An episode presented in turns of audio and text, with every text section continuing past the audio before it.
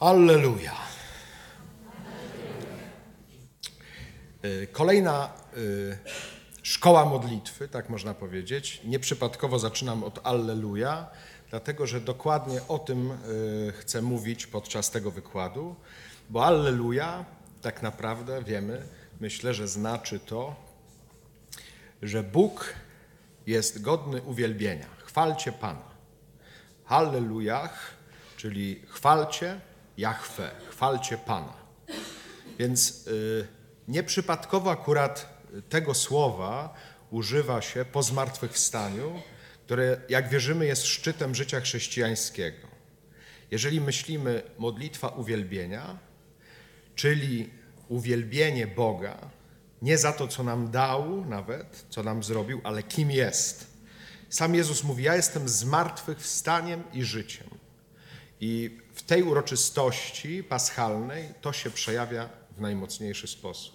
Czyli modlitwa uwielbienia przejawia się w najmocniejszy sposób w okresie paschalnym. Akurat jesteśmy w tym okresie paschalnym, dlatego tym słowem się posługujemy najczęściej. Nawet w liturgii Kościoła e, używa się jako refrenu do psalmu Alleluja, że można zmienić te wersety, które są przypisane do psalmów, żeby śpiewać tylko w kółko, w kółko Alleluja. Do każdej antyfony dodaje się Alleluja. Jest Alleluja, czyli chwalcie Pana. Czyli do każdej modlitwy tak naprawdę w tym okresie dodaje się, czy rozszerza się ją o modlitwę uwielbienia. Dlaczego ta modlitwa uwielbienia jest tak niezwykła, e, gdy myślimy w ogóle o modlitwie? Dlatego, że dotyczy osoby. Nie dotyczy przedmiotu, nie dotyczy rzeczy, nie dotyczy darów tego, co Bóg w nas dokonał, czy co nam dał, tylko Jego samego. Bo jeżeli uwielbiamy, to nie coś, tylko kogoś to jest wyraz naszej najgłębszej miłości. I dlatego ta modlitwa szczególnie jest jakoś podkreślana w Kościele, że dotyczy Boga jako takiego, Boga jako Boga. Właśnie w modlitwie uwielbienia Bóg może być Bogiem, tak można by powiedzieć. W modlitwie uwielbienia Bóg jest Bogiem. My się na to po prostu w tej modlitwie decydujemy. Znamy i najczęściej tak mówią ci, którzy robią statystyki, że posługujemy się modlitwą prośby, czyli prosimy o coś Boga. Już coraz częściej dochodzi do głosu tak zwana modlitwa dziękczynienia, że najwyraźniej pasterze uczą albo też ludzie, po prostu chrześcijanie rozeznają, że Bóg zaprasza ich do dziękczynienia. Ja też coraz bardziej widzę, że chrześcijanie modlą się modlitwą dziękczynienia. Bardzo y, to też jest ważne, żeby umieć podziękować, dlatego że modlitwa dziękczynienia dotyczy doceniania czy widzenia y, tego, że Bóg czyni dobre rzeczy. Bo dziękczynienie dotyczy dobra, które widzę. Ale jeszcze wyżej w tej hierarchii, jeżeli tak można powiedzieć, chociaż tak naprawdę te wszystkie modlitwy się ze sobą jakoś łączą, jest modlitwa uwielbienia. Czyli, że ja już nie proszę o nic, nie dziękuję za nic, tylko uwielbiam Boga jako Boga. Przedmiotem, jeżeli tak można powiedzieć filozoficznym językiem, tej modlitwy jest Bóg sam, a nie Jego czyny, nie Jego przymioty, tylko On sam jako taki. Dlatego to Alleluja, czyli chwalcie Pana, jest wyrazem właśnie tej modlitwy uwielbienia przede wszystkim. I dotyczy tego głębokiego, można powiedzieć najgłębszego uczucia miłość, które w nas się rodzi. A miłość, jak wiemy, nie jest do czegoś, chociaż czasami mówimy, że coś kochamy, y, ale dotyczy przede wszystkim kogoś. I dlatego modlitwa uwielbienia dotyczy przede wszystkim kogoś i w niej przede wszystkim chodzi o kogoś. Tak naprawdę bardzo szybko w tej modlitwie też przekonujemy się o tym, że chodzi też o nas. Bo e, miłość nigdy nie jest jednostronna. jeżeli ja decyduję się na modlitwę uwielbienia, czyli na wyraz mojej miłości wobec Pana Boga, wobec Jego osoby, to bardzo szybko doświadczę miłości również w moją stronę, w moim kierunku. Że Bóg objawi mi swoją miłość, że ja doświadczę Jego miłości. Więc to jest spotkanie. W modlitwie uwielbienia o nic innego tak naprawdę nie chodzi, tylko o spotkanie i to spotkanie pełne miłości.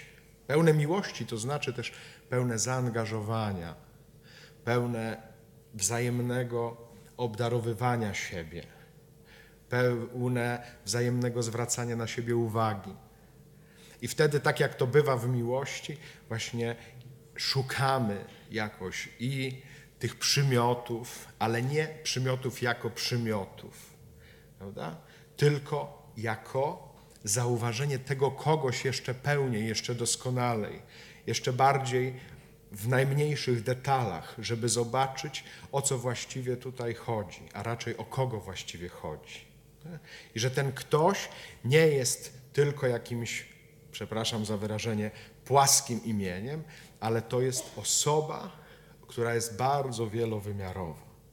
I tych wszystkich wymiarów, jeżeli uwielbiamy, ta nasza modlitwa dotyka.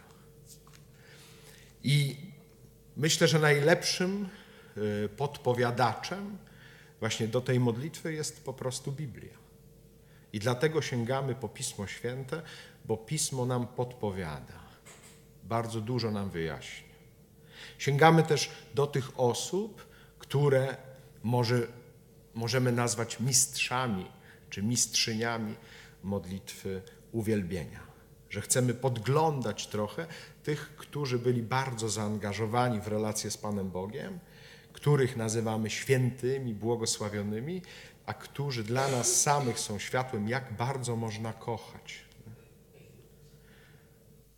Takim szczytem, już nie z Biblii, tylko sięgając do tradycji świętych, ale przez to go wywyższam, że on, tak jak nikt inny, biegał po tym świecie i wołał, i do dzisiaj tak naprawdę można by powiedzieć, woła: Miłość nie jest kochana.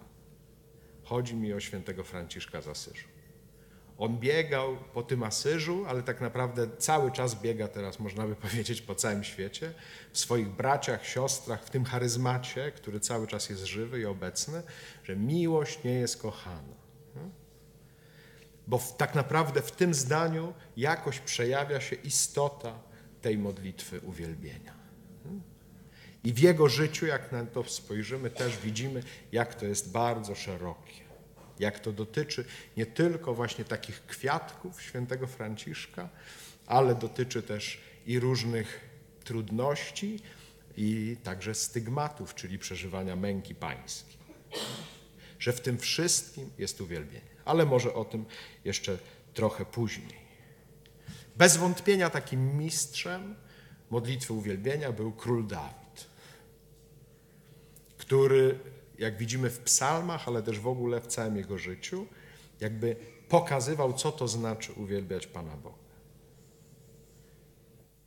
I to jest może jeszcze ważne, żeby zobaczyć, żeby troszkę nam było bliżej do Niego, że on jednocześnie, tak jak nikt inny, osiąga wyżyny świętości, ale jednocześnie dotyka grzechu bardzo konkretnie. To nie takiego jakiegoś lekkiego grzechu, tylko naprawdę dotknął grzechu solidnie. No? I zdrady, i zabójstwa, no, różnych rzeczy. No? Doświadczył wysokości świętości i doświadczył niskości można powiedzieć, dna grzechu, ale właśnie pośród tych doświadczeń on umie uwielbiać Pana Boga. Mistrzem jest dlatego, że jak tylko się orientuje, że coś jest nie tak, natychmiast zwraca się do Boga. Nie patrzy tylko na jego właśnie przymioty, takie czy inne cechy. Chociaż widzimy w psalmach, że po prostu no jest mistrzem tego typu poezji i umie wszystko dostrzegać bardzo subtelnie. Jest też mędrcem, bez wątpienia. A jednocześnie właśnie umie i tego szuka przede wszystkim, że szuka Boga samego, osoby. Sam mówi, wolę wpaść w ręce Twoje niż w tych wszystkich rzeczy, które tam w jednym momencie, jak Bóg mu proponuje różne pokuty czy kary, to on wybiera jego sadę. Wszystko, wszystko jedno, co aby z Twojej ręki, aby od Ciebie samego. Właśnie na tym polega jego wielkość. Jak tylko się orientuje, już od razu wraca do osoby. Nie zajmuje się rozważaniem grzechów. Nie dzieli włosa na czworo, jakby było lepiej, jakby było gorzej, a? tylko od razu do osoby. To jest genialna intuicja tego, który jest mistrzem, rzeczywiście mistrzem modlitwy uwielbienia. Ale też widzimy choćby właśnie Judytę, która piękny hymn uwielbienia śpiewa po tym, jak zwycięża e, Helofernesa. I widzimy też innych apostołów, męczenników, którzy właśnie pośród ucisku, bo to jest też ważne, uwielbiają Pana Boga, dlatego że są godni cierpieć dla Jego imienia.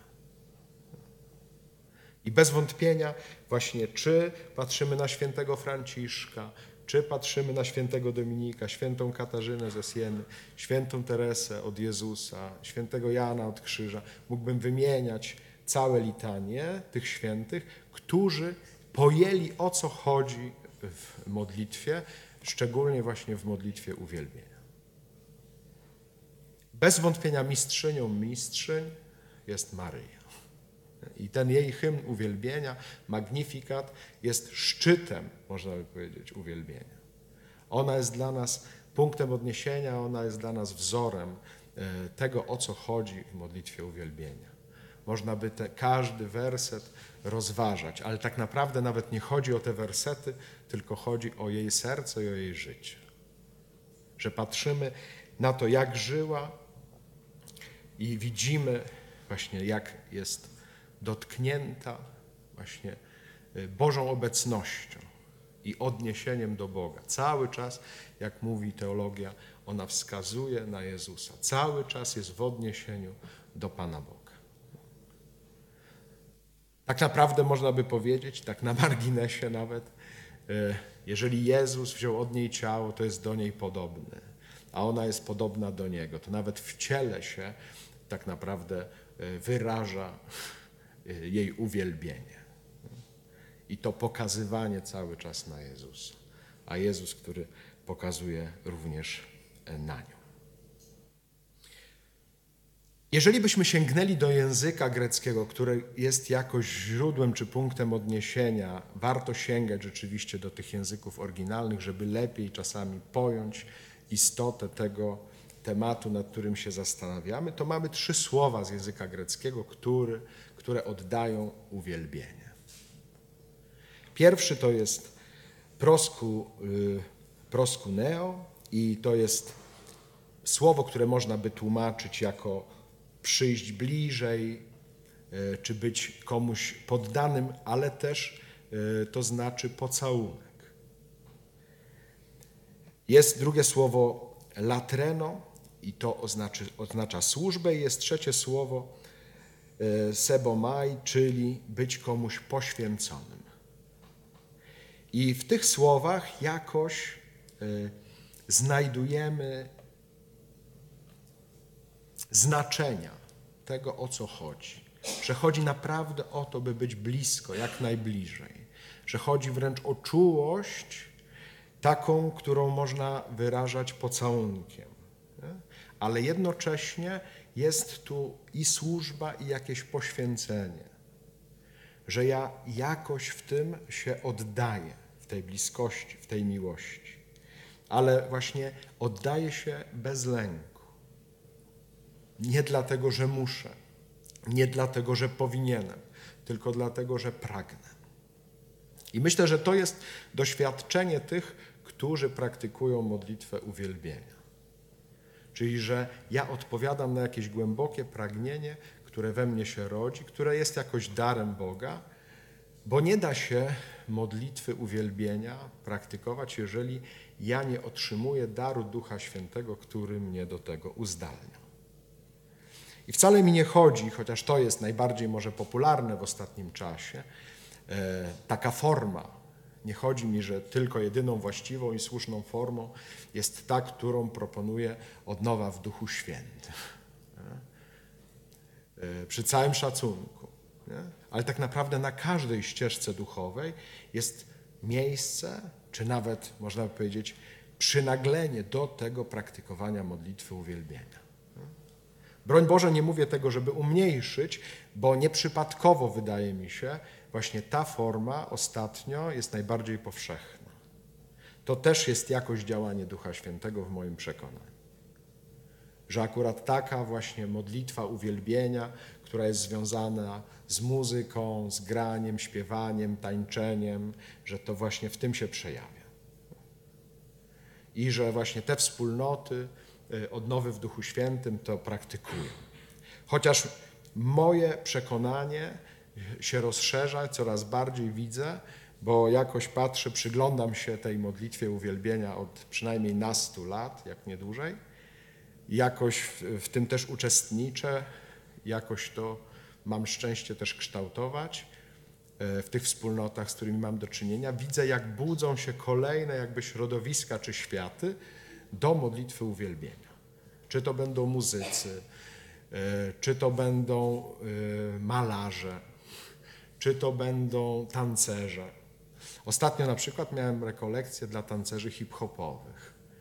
I oni też odnajdują właśnie to, że pragną uwielbiać Pana Boga, tyle że mówią nic innego nie umiem, tylko tańczyć właśnie te jazzy, e, jakieś hip-hopy, popingi i tak dalej. Tak ja nie znam się na tych wszystkich y, y, gatunkach, ale no zachwycam się też tym. Nie? I tak naprawdę to jest takie pokorne zbliżenie się. Że oni przychodzą i mówią, ja to umiem, umiem tańczyć, a chciałbym uwielbiać Pana Boga. Jak to można zrobić? Czy można użyć tej mojej umiejętności, jakim jest taniec hip-hopowy, do tego, żeby uwielbiać Pana Boga? I oczywiście by się chciał powiedzieć od razu, że tak. Pamiętam, jak się, e, można powiedzieć takim językiem kolokwialnym, nadziałem, bo powiedziałem, oczywiście można. Nie? Ale za chwilę oni podali swoje wątpliwości. I one nie są niezasadne. Ale, bo mówią, ale ja przez całe moje życie, gdy tańczyłem, chciałem siebie pokazać. Ja mam bardzo głęboko zakorzenione to w sobie. Ja się boję, że ja zacznę tańczyć, niby uwielbienie, a skończy się na mnie samym, a nie na Panu Bogu. I tu rzeczywiście trzeba uważności, bo ja tylko im tłumaczę, że tak jest w każdej modlitwie i w każdej dziedzinie. Czy będziesz muzykiem, czy będziesz mnichem, można się modlić do samego siebie, nawet jak jesteś zamurowany w celi. No. Trzeba po prostu mieć uważność rzeczywiście na to, żeby nie skończyć na sobie. Bo diabeł tak będzie mnie kusił, czy tak będzie mnie prowadził w modlitwie, żeby kończyć na sobie. Albo żeby kończyć na moich potrzebach, czyli na czymś, a nie na kimś, Właśnie nie na mnie nawet, tylko na samym Panu Bogu. Jeżeli ja będę uważny, to rzeczywiście Pan Bóg mnie w tym poprowadzi, bo rzeczywiście wierzę w to, że właśnie w tych artystach najróżniejszej maści czy najróżniejszego rodzaju sam Duch Święty takie pragnienie tworzy. Ale rzeczywiście trzeba dużo mądrości jakiegoś wewnętrznego czy zewnętrznego oczyszczenia i takiej głębokiej świadomości duchowej, żeby to było, czy kończyło się tym, czym ma się kończyć, a to znaczy kończyło się na Panu Bogu. Ale rzeczywiście jest to jakoś zadziwiające, jak różne dziedziny Pan Bóg uruchamia do tego, żeby Mu oddawać chwałę. Czy właśnie muzyką, czy tańcem, czy w jakikolwiek inny sposób. To, że akurat muzyką czy tańcem nie jest niczym dziwnym, bo właśnie choćby w psalmach dużo o tym czytamy, czy u proroków. Bo to jest wyraz takiej ludzkiej radości, że właśnie muzyka czy taniec jest jakimś y, wyrażeniem w ciele tej radości, y, która jest tak naprawdę pierwszym owocem modlitwy uwielbienia. Pierwszym owocem jest radość, jeżeli y, modlę się modlitwą uwielbienia. Drugim owocem jest wolność, której doświadczam. Trzecim owocem jest pokój. A czwartym owocem jest jakieś takie głębokie przeświadczenie y, o obecności Pana Boga i doświadczenie Jego miłości, że ja jestem kochany. Tego doświadczamy w modlitwie uwielbienia. To doświadczenie, przyznam, że mnie bardzo zaskoczyło, jak wiele rzeczy Pan Bóg chce nam dawać, jak chce się objawiać przez modlitwę uwielbienia.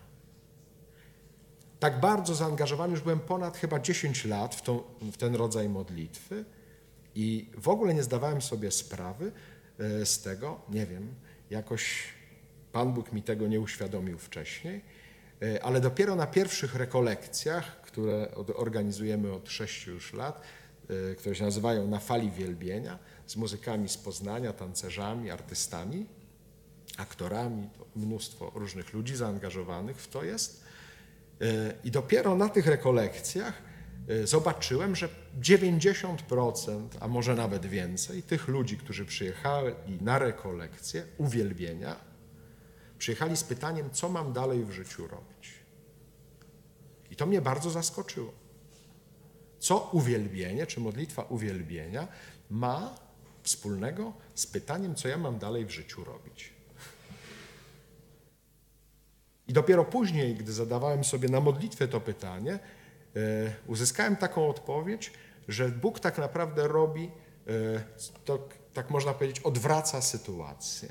Czyli e, jak ja się zajmuję Nim, to On się zajmuje mną.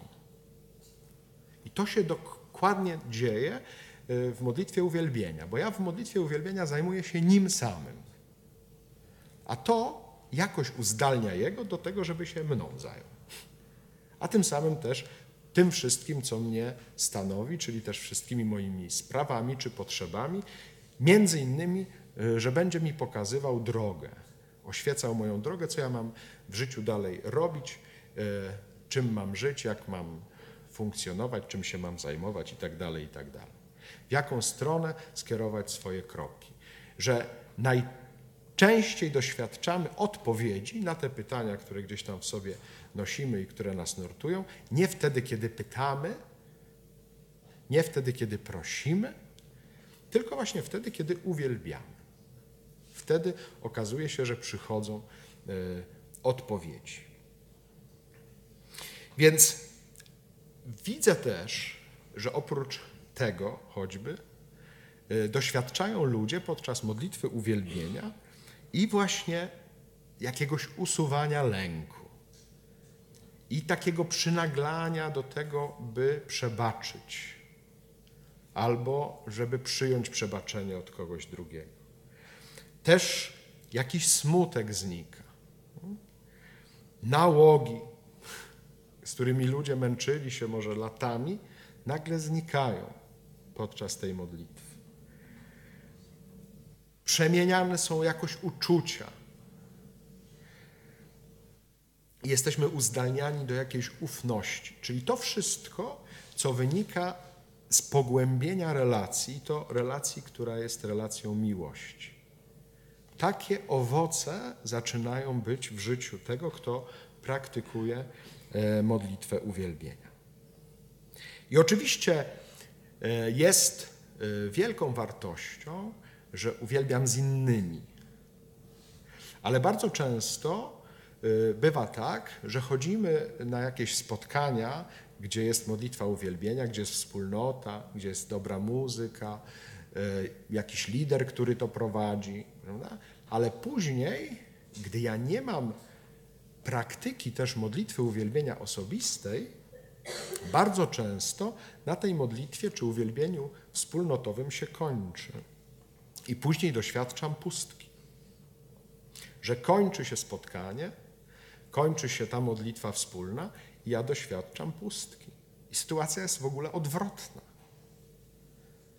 Dlatego bardzo y, mi się podobało, jak kiedyś ktoś mi opowiadał, e, że miał takie zaproszenie, które usłyszał od Pana Boga na modlitwie, żeby uwielbiał do pustej ściany. Jak dzisiaj czytaliśmy pierwsze czytanie, e, e, że Filip został wyprowadzony na drogę, która jest pusta, to zaraz sobie to przypomniałem. Że Pan Bóg, żeby nas nauczyć modlitwie, czasami wyprowadza nas w miejsce, które jest puste. I tu bardzo konkretnie, akurat w tym człowieku, e, zaprosił go do tego, żeby modlił się w swoim pokoju do pustej ściany i uwielbiał do pustej ściany.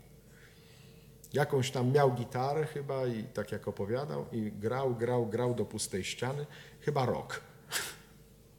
A potem nastąpił jakiś przełom. Więc czasami gdzieś od jakiejś pustki się zaczyna. I gdy tylko będziemy się opierać na tej modlitwie, chociaż naprawdę zachęcam i, i naprawdę warto pójść, żeby razem z innymi modlić się modlitwą uwielbienia, to jednak sama modlitwa wspólna nie wystarczy. Że tak naprawdę ta modlitwa wspólna dopiero nabiera owocności wtedy, kiedy jest modlitwa osobista, indywidualna. Czyli kiedy ja staram się o modlitwę uwielbienia, która jest moją modlitwą osobistą. I ta modlitwa naprawdę może mnie e, daleko doprowadzić. E, to, co mam doświadczyć, czego mam doświadczyć podczas tej modlitwy, dotyczy pierwszego przykazania. Bo tak naprawdę ta modlitwa uwielbienia dotyczy pierwszego przykazania. Zarówno w tym sensie pozytywnym, jak i negatywnym. W negatywnym choćby doświadczył tego bogaty młodzieniec, który najwyraźniej nie umiał modlitwy uwielbienia. Bo gdy spotyka Jezusa i pyta go, co mam czynić, aby osiągnąć życie wieczne, Jezus mówi: spełniaj przykazania. On mówi: spełniam wszystkie. Jest tylko dodane, że był bogaty. Jezus tylko mówi: jednego ci brakuje. Sprzedaj wszystko i pójdź za mną. Nie chodzi o coś, tylko chodzi o kogoś tak naprawdę odnosi go do pierwszego przykazania i mówi mu: Zobacz, nie spełniasz już pierwszego przykazania, bo masz bogów innych przede mną. Że czy Twoje majętności, czy Twoja doskonałość jest wyżej niż ja. Czyli coś jest wyżej niż ja, niż ktoś.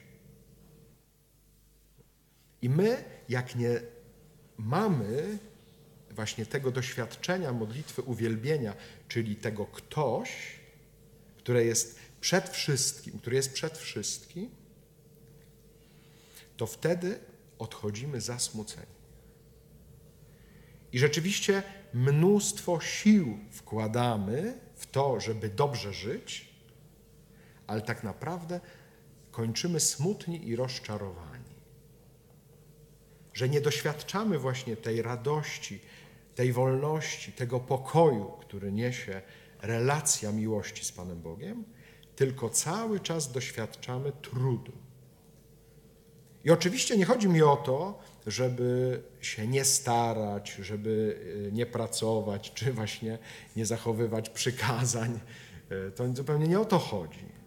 Ale jeżeli to będzie wyżej, że jeżeli to będzie ważniejsze, niż moja relacja osobista z Panem Bogiem, to rzeczywiście nie doświadczę e, tego, co kryje się za błogosławieństwem Bożej obecności w moim życiu, tej miłości, którą sam Bóg mi daje i której e, sam Bóg mi udziela.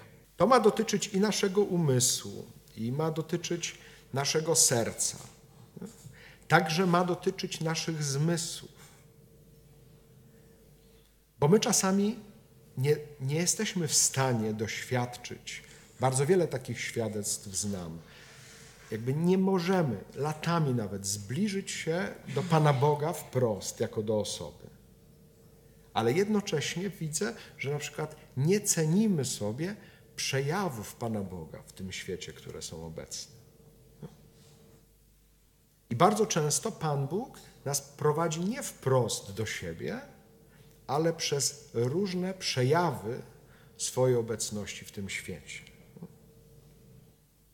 Dlatego y, doświadczamy zachwytu często patrząc na przyrodę czy na kosmos.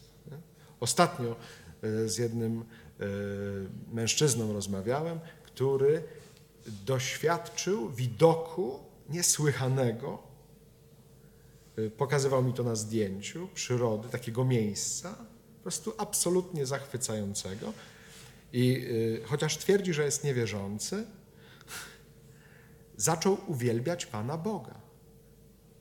Nie zachwycał się tym tylko i mówi, jakie to jest piękne. Tylko w jego sercu zrodziło się e, wezwanie, Panie Boże, jak Ty pięknie to stworzyłeś. Sam się zdziwił, że sama ta, ten cud, ta, to piękno, które zobaczył, jakby nie wyczerpywało tego wszystkiego, co w nim się stało pod wpływem tego widoku. Musiał to podnieść wyżej. Nie? Że samo powiedzenie, tak mówił, że samo powiedzenie, jakie to jest piękne, byłoby za mało powiedziane. Że potrzebował powiedzieć, Panie Boże, jak Ty to pięknie stworzyłeś, nie? chociaż był niewierzący w swoim przekonaniu. Ale dokładnie to jest to, to są takie momenty. Albo jak widzę, jak to jest zharmonizowane, jak to jest stworzone po prostu pięknie, zmyślnie, mądrze, harmonijnie. Jak często na przykład zachwycamy się drugim człowiekiem. Patrzymy na tego człowieka, jak on wygląda, jak żyje, co robi, i po prostu zachwycasz się. Jednocześnie coś cię popycha, żeby nie skończyć tylko na tym, co widzisz, czego doświadczasz zmysłami, tylko jeszcze wyżej to podnieść. Że jest jakaś taka wewnętrzna e, potrzeba, żeby to wywyższyć. Jak też zrozumiemy dzieła artystów, które widzimy, że są z natchnienia, że on sam z siebie by tego tak nie mógł e, wymyśleć czy stworzyć. Że tu jest jakaś można powiedzieć, wartość dodana. I od razu odnoszę się nie do tego czegoś, tylko od razu mam potrzebę odnieść się do kogoś. To też dzieje się choćby podczas czytania Słowa Bożego. Bardzo często y, doświadczam tego, czy, czy widzę u innych, którzy tego doświadczają, że czytają Słowo Boże i doznają zachwytu. I nie nad tym słowem, co czytają, tylko nad tym, co za tym stoi. Czy lepiej powiedzieć, kto za tym stoi. Nieprzypadkowo Jezus sam mówi, że patrzą na was, żeby uwielbiali Ojca. Że to jest jakiś taki porządek, który w nas jest, że ja patrzę na coś, czy nawet na kogoś, czyli drugie stworzenie, i się zachwycam. Ostatnio byłem u znajomych i oni po prostu jak się zachwycają nad swoim psem, to dawno nie widziałem, żeby ktoś się tak swoimi dziećmi zachwycał. Ale to nie mówię tego, żeby to umniejszyć, broń Boże. Tylko naprawdę ten pies jest absolutnie niesłychany. Nie? Jak on tak może po prostu robić? Nie? położy tą mordę na stole tylko, to w ogóle mówisz, jak to tak można być? Nie? Nawet takie proste rzeczy. Można by powiedzieć o instynkt. No może tak, też można tak powiedzieć. Jak ktoś chce, też może tak powiedzieć. Ale jednocześnie taka prosta, nie? Że, że nagle widzisz, że on każdego i w każdej sytuacji wita tak samo radośnie. Nie ma względu na osobę. Nie? Mówisz, ja też bym tak chciał umieć, no. Bo ja już kombinuję, już tam komplikuję sprawę. Więc to są takie proste czasami wejrzenia, które mi uświadamiają, to jest większe niż by to można wymyśleć. To jest jakoś, można powiedzieć, większe niż to, co tylko widzę swoimi zmysłami. Że to mnie jakby odnosi właśnie nawet nie do czegoś, tylko e, właśnie do kogoś. I rodzi się we mnie jakiś zachwyt. To, co jest jeszcze ważne w modlitwie uwielbienia, to czyste serce. I dbałość o to, żeby mieć czyste serce. I to czyste serce to nie chodzi to, co nam się zwykle kojarzy, e, o nasze, nie wiem, zmysłowości czy przyjemności. W tym czystym sercu jest jakaś prawość, która jakby ogarnia to, co w nas jest, jako, nie wiem, potrzeba władzy, czy potrzeba znaczenia, e, czy to będą pieniądze, czy to będą inne pragnienia, no różne rzeczy. Że to czyste serce jakby dba o to, żeby te wszystkie sprawy, którymi jakoś żyjemy, które są też jakoś w nas wpisane, nie zniekształcały tego. Pozwalały mi tego drugiego czy to Boga, czy człowieka przyjmować po prostu takim, jakim on został stworzony. Że umiem na niego popatrzeć jakby Bożymi oczami. Tak jak Bóg patrzy na każdego, na każdą z nas w sposób czysty. Można by też nazwać to, czy zamienić to słowo czysty na święty. Takim można powiedzieć refrenem, czy nie wiem, czy to jest najlepsze sformułowanie, które jest szczytem szczytów modlitwy uwielbienia. To jest to, co znajdujemy u proroka Izajasza czy w Apokalipsie, kiedy modlitwa polega na nieustannym powtarzaniu imienia Święty, święty, święty, święty, święty, święty.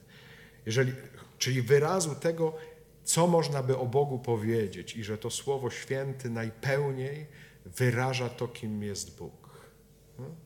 Przy całych ograniczeniach, które są w języku, to właśnie słowo święty jakby najlepiej opisuje to, e, kim jest Bóg i wyraża jakby Jego samego. Tak jak my mówimy, po trzykroć święty. Właśnie to spojrzenie czystego serca, to czyste serce jest właśnie, można by powiedzieć, dotknięciem świętością, właśnie tą potrójną świętością, czyli jakąś doskonałością e, ponad wszystko.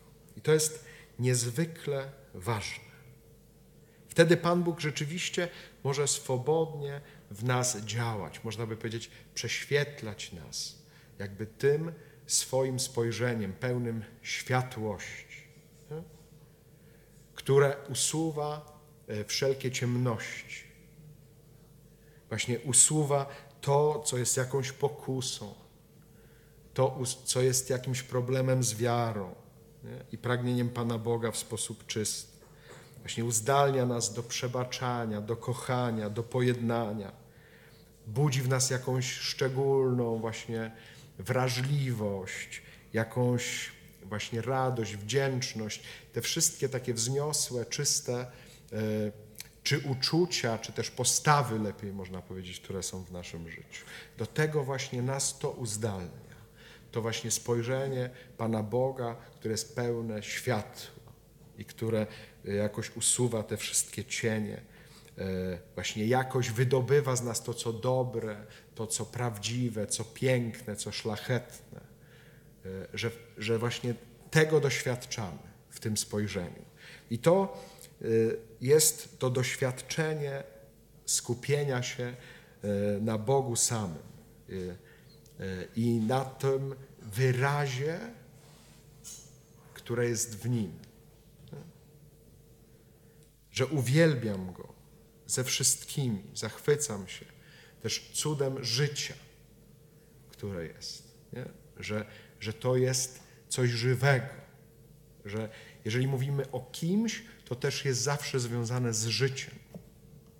Że to nie jest tylko jakieś martwe piękno, nie? jakieś martwe dobro, nie? jakaś martwa prawda, tylko zawsze za tym chodzi o życie, o coś żywego, o, o, o coś tym samym jakoś też płodnego, czyli pomnażającego się, dynamicznego. No nie wiem, już mi brakuje słów, ale tu wszystko to jest.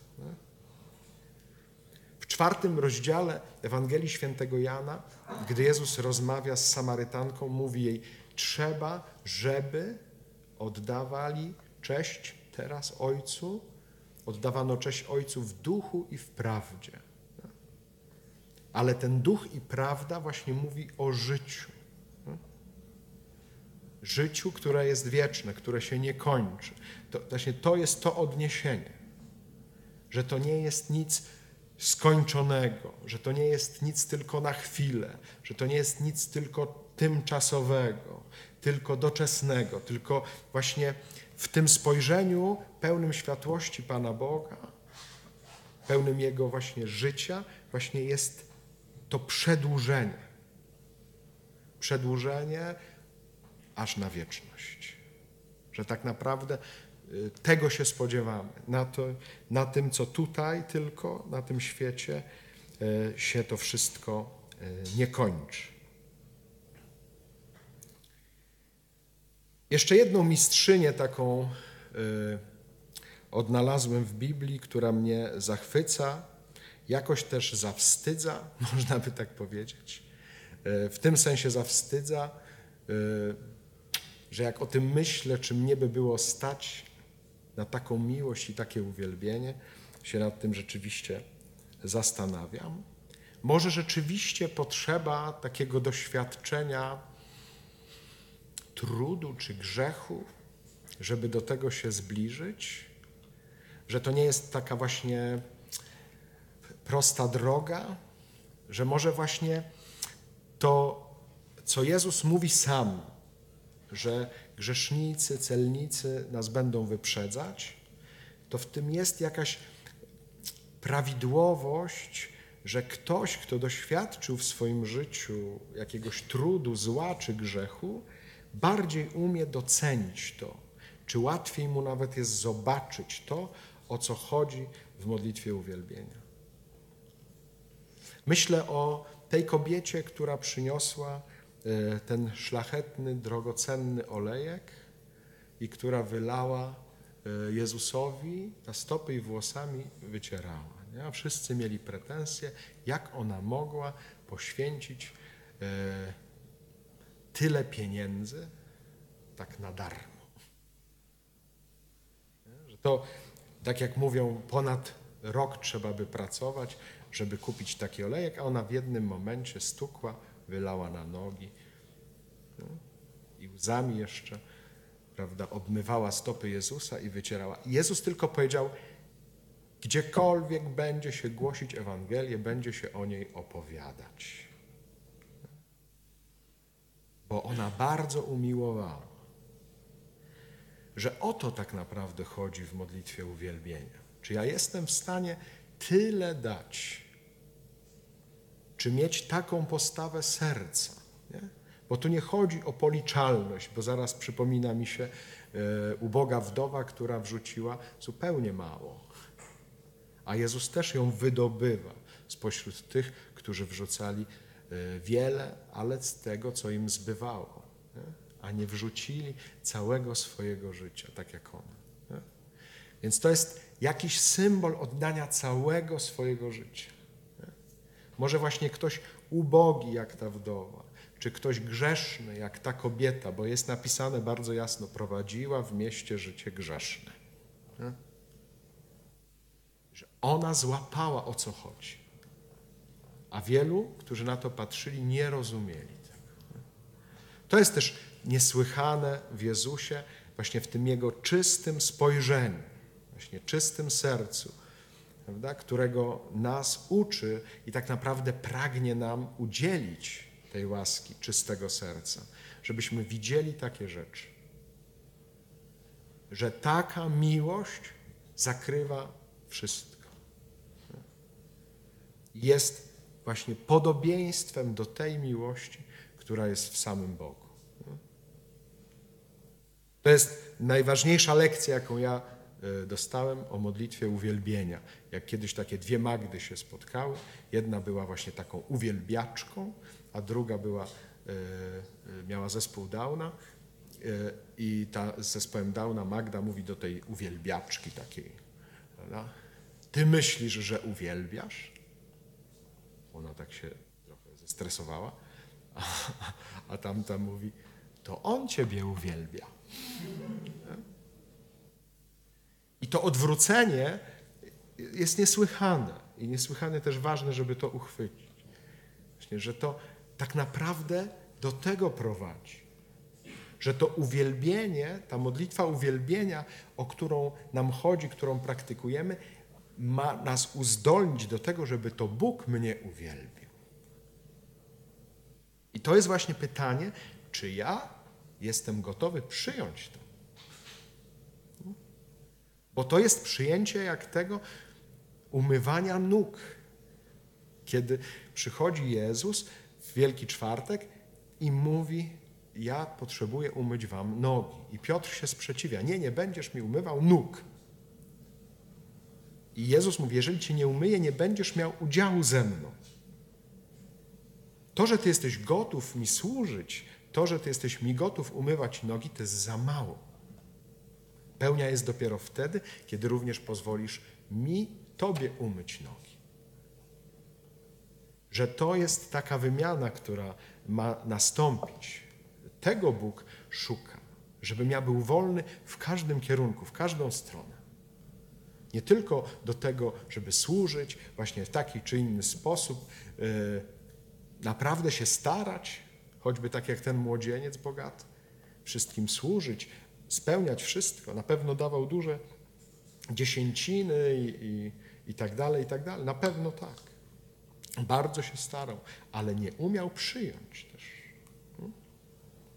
Ja bardzo często spotykam takich ludzi, którzy umieją pomagać, a nie pozwolą sobie pomóc. Gdzieś możemy się tak jakby zafiksować w tym naszym e, kulcie, czy w, tym, w tej naszej modlitwie, że ja nie pozwolę Panu Bogu sobie usłużyć. Że tak jak ja bym był Panem Bogiem, ja bym był zbawcą świata i moją siłą to się wszystko dokonuje. Oczywiście ja tak wprost tego nie powiem, ale właśnie w takich sytuacjach, można powiedzieć, prostych, że ktoś bierze miednicę i prześcieradło, ja nie pozwalam sobie pomóc. Nie pozwalam, żeby ktoś e, mi usłużył. No? Że ja mogę dawać komuś pieniądze, ale jak jestem w takiej sytuacji, że ja potrzebuję i ktoś mi chce dać, to ja nie umiem przyjąć. I robię, nie wiem, wywracam się na lewą stronę, zarabiam, kombinuję i tak nie dam rady tego zarobić, co potrzebuję, nie? ale nie umiem przyjąć. Nie? Mam łatwość do dawania, a nie mam łatwości do przyjmowania. To jest ważne też właśnie w tym kontekście, jeżeli mówimy o modlitwie uwielbienia w codzienności. Bo tak naprawdę, gdyby nasza modlitwa uwielbienia dotyczyła tylko jakichś wydarzeń, właśnie jakichś modlitw szczególnych, a nie przekładałaby się na moją codzienność, i nie mówię tylko o mojej modlitwie osobistej uwielbienia, ale w ogóle, że wszystko, co czynię, czy jem, czy piję, czy cokolwiek innego, czynię mam w tym uwielbiać Pana Boga, czyli ma to Jego dotyczyć, jakoś od Niego pochodzić i do Niego prowadzić, jeżeli jakby nie umiem tak żyć modlitwą uwielbienia, że widać i każdy doświadcza w mojej rodzinie tej modlitwy, moja żona, mój mąż, moje dzieci, że ona nie jest tylko na zewnątrz, ale że to jest przejaw miłości, że ja umiem kogoś postawić przed tymi sprawami, które są dla mnie ważne albo które lubię, które są dla mnie cenne. Że właśnie ktoś staje się ważniejszy dla mnie niż coś. Nie? W takiej zupełnej codzienności. Nie? Tak naprawdę to idzie o doświadczenie takiej modlitwy również w takim ucisku codzienności. Jeżeli tylko umiem uwielbiać wtedy, kiedy jest mi dobrze, kiedy mi wszystko idzie, kiedy doświadczam cudów, to fajnie. Znaczy, to też warto. Niektórzy nawet tego nie umieją. Że nie mają tego odniesienia prawda, do Pana Boga, bo się dobrze dzieje, bo widzi cuda się dzieją w Jego życiu. Ale my jesteśmy zaproszeni do tego, że mamy uwielbiać Pana Boga wtedy, kiedy mi się źle dzieje, kiedy jestem w ucisku, kiedy doświadczam choroby, jakiegoś zła w moim życiu. Czy ja wtedy umiem uwielbiać Pana Boga? I się okazuje, że dopiero wtedy właśnie ta modlitwa uwielbienia tak działa jak nigdy wcześniej. Takim szczytem modlitwy uwielbienia jest krzyż. Gdzie Jezus najbardziej, najpełniej uwielbił Ojca? Na krzyżu. To jest y, największą chwałą, że Jezus oddaje swoje życie właśnie nie dla czegoś, tylko dla kogoś. To jest szczyt modlitwy uwielbienia. Właśnie pośród cierpienia, w śmierci. Jezus w śmierci uwielbia Pana Boga. I w śmierci też chce uwielbić mnie. To, co zapowiada w Ewangelii Świętego Jana, już wsławiłem i jeszcze wsławię, to mówi o tym. Czyli już uwielbiłem i jeszcze uwielbię. I mówi o swojej śmierci krzyżowej. Ale jednocześnie też mówi o zmartwychwstaniu. Że ja umiem oddać swoje życie, i to jest moja modlitwa uwielbienia, ale moją modlitwą uwielbienia jest to, że ja umiem przyjąć nowe życie, czyli że zmartwychwstaję. Modlitwa uwielbienia w śmierci i modlitwa uwielbienia w zmartwychwstaniu. Modlitwa uwielbienia w oddaniu życia i modlitwa uwielbienia w przyjęciu nowego życia. I tu jest dopiero pełnia. A wszystko to sprawia Duch Święty, który został mi udzielony. Duch Święty, który jest miłością, bo o nic w tym wszystkim innym nie chodzi, innego tylko o miłość. Więc tak jak zacząłem Alleluja, tak mogę skończyć Alleluja. Ale jak mówimy Alleluja, czy śpiewamy Alleluja, zawsze pamiętajmy o tym, że to chodzi o miłość. Bardzo dziękuję za uwagę.